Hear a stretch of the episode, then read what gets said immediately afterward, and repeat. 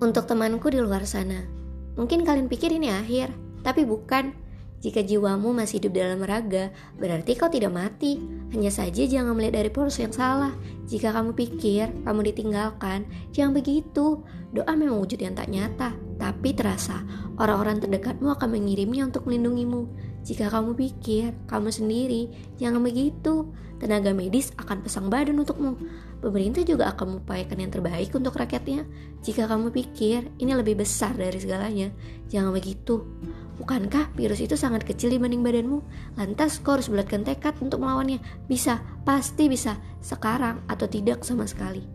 Teman, kamu tahu ada obat yang paling mujarab di dunia dan itu gratis yang membuat orang jatuh ke dasar lantas bisa kembali bangkit ke permukaan. Iya, namanya harapan. Aku harap harapanmu untuk pulih akan terus ada. Aku tunggu kamu ya, jangan menyerah.